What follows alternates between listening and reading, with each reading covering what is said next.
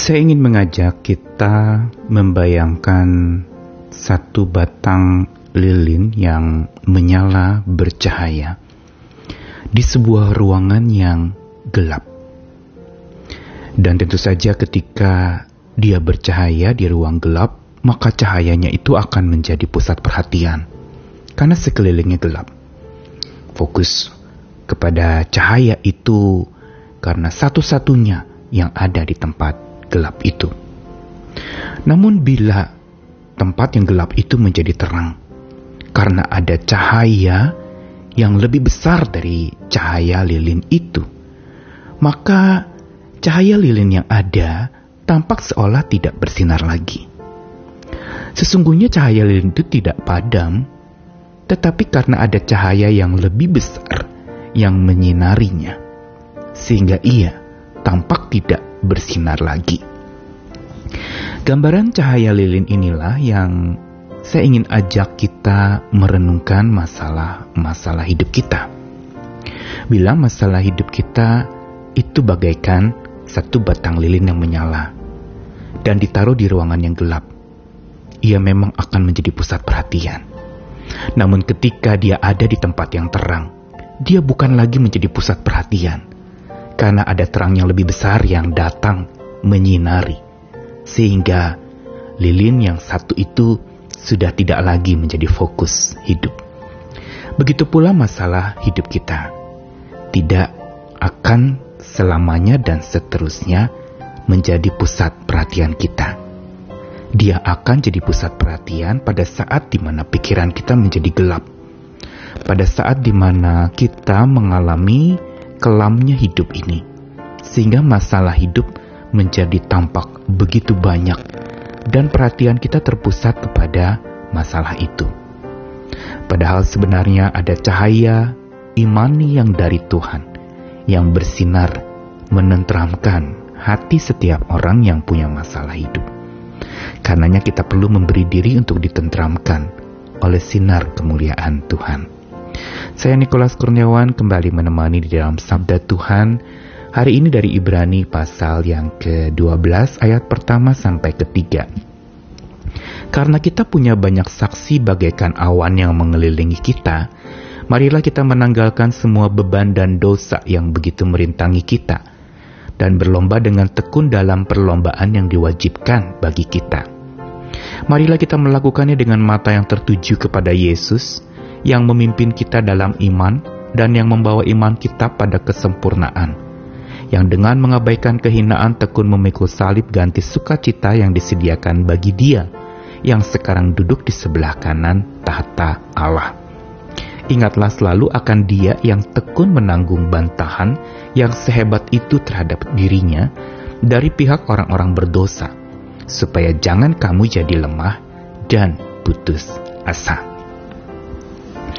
Ibrani pasal 12 mengingatkan kita untuk hidup senantiasa bertekun di dalam iman. Dan diawali dengan sebuah pernyataan bahwa kita tidak sendiri, ada banyak saksi. Dan karena itulah saat kita tidak sendiri, mari kita menanggalkan semua beban dosa yang begitu merintangi dan berlomba dengan tekun dalam perlombaan yang diwajibkan bagi kita. Ini berbicara tentang sebuah ayat yang mendorong kita pada pusat perhatian ketekunan kita, yaitu kita bertekun berpusatkan kepada apa? Apakah kepada diri kita yang serba terbatas atau tekun karena pusat perhatian kita adalah kepada Tuhan kita? Karenanya dalam ayat 2 dikatakan mari kita melakukan ketekunan itu dengan mata yang tertuju pada Yesus. Ayat ini ingin membawa kita kepada memusatkan perhatian kepada Tuhan yang memimpin kita dalam iman membawa iman itu pada kesempurnaan. Dan lewat pengorbanannya di kayu salib, dan sampai dia dimuliakan dan duduk di sebelah kanan tahta Allah, maka ini sebenarnya dan seharusnya menjadi pusat perhatian hidup kita. Apalagi ketika berhadapan dengan banyak masalah atau beban berat di dalam hidup ini. Karena ketika kita mengalami masalah dan beban berat, pusat perhatian kita adalah kepada keduanya itu. Sama seperti tadi, satu lilin yang bercahaya di ruang gelap, maka semua akan melihat kepada cahaya lilin itu. Tapi saat ruangan itu dibuka dan cahaya yang lebih terang dari lilin itu masuk, maka lilin itu akan pudar nyalanya bukan karena padam. Sama juga ketika kita membawa segala masalah dan beban hidup kita kepada sinar terang kasih Tuhan, penguasa hidup kita, penentram jiwa kita, maka pada saat itulah masalah-masalah hidup kita akan tampak pudar, bukan tidak ada lagi. Tapi itu sudah bukan lagi jadi pusat perhatian kita. Karena pusat perhatian kita adalah kepada Tuhan yang sanggup menanggung bantahan yang sehebat apa pun juga terhadap dirinya. Dia sudah menang atas segala macam pergumulan hidup dan bahkan dia sudah menang atas maut yang paling ditakuti manusia. Karena itu itulah yang harus menjadi pusat perhatian kita. Dialah karena dia yang menjadi kekuatan kita senantiasa. Karena dengan memusatkan perhatian kita kepada Tuhan, kita tidak jadi lemah dan putus asa sebagaimana yang dicatatkan di dalam bacaan kita hari ini.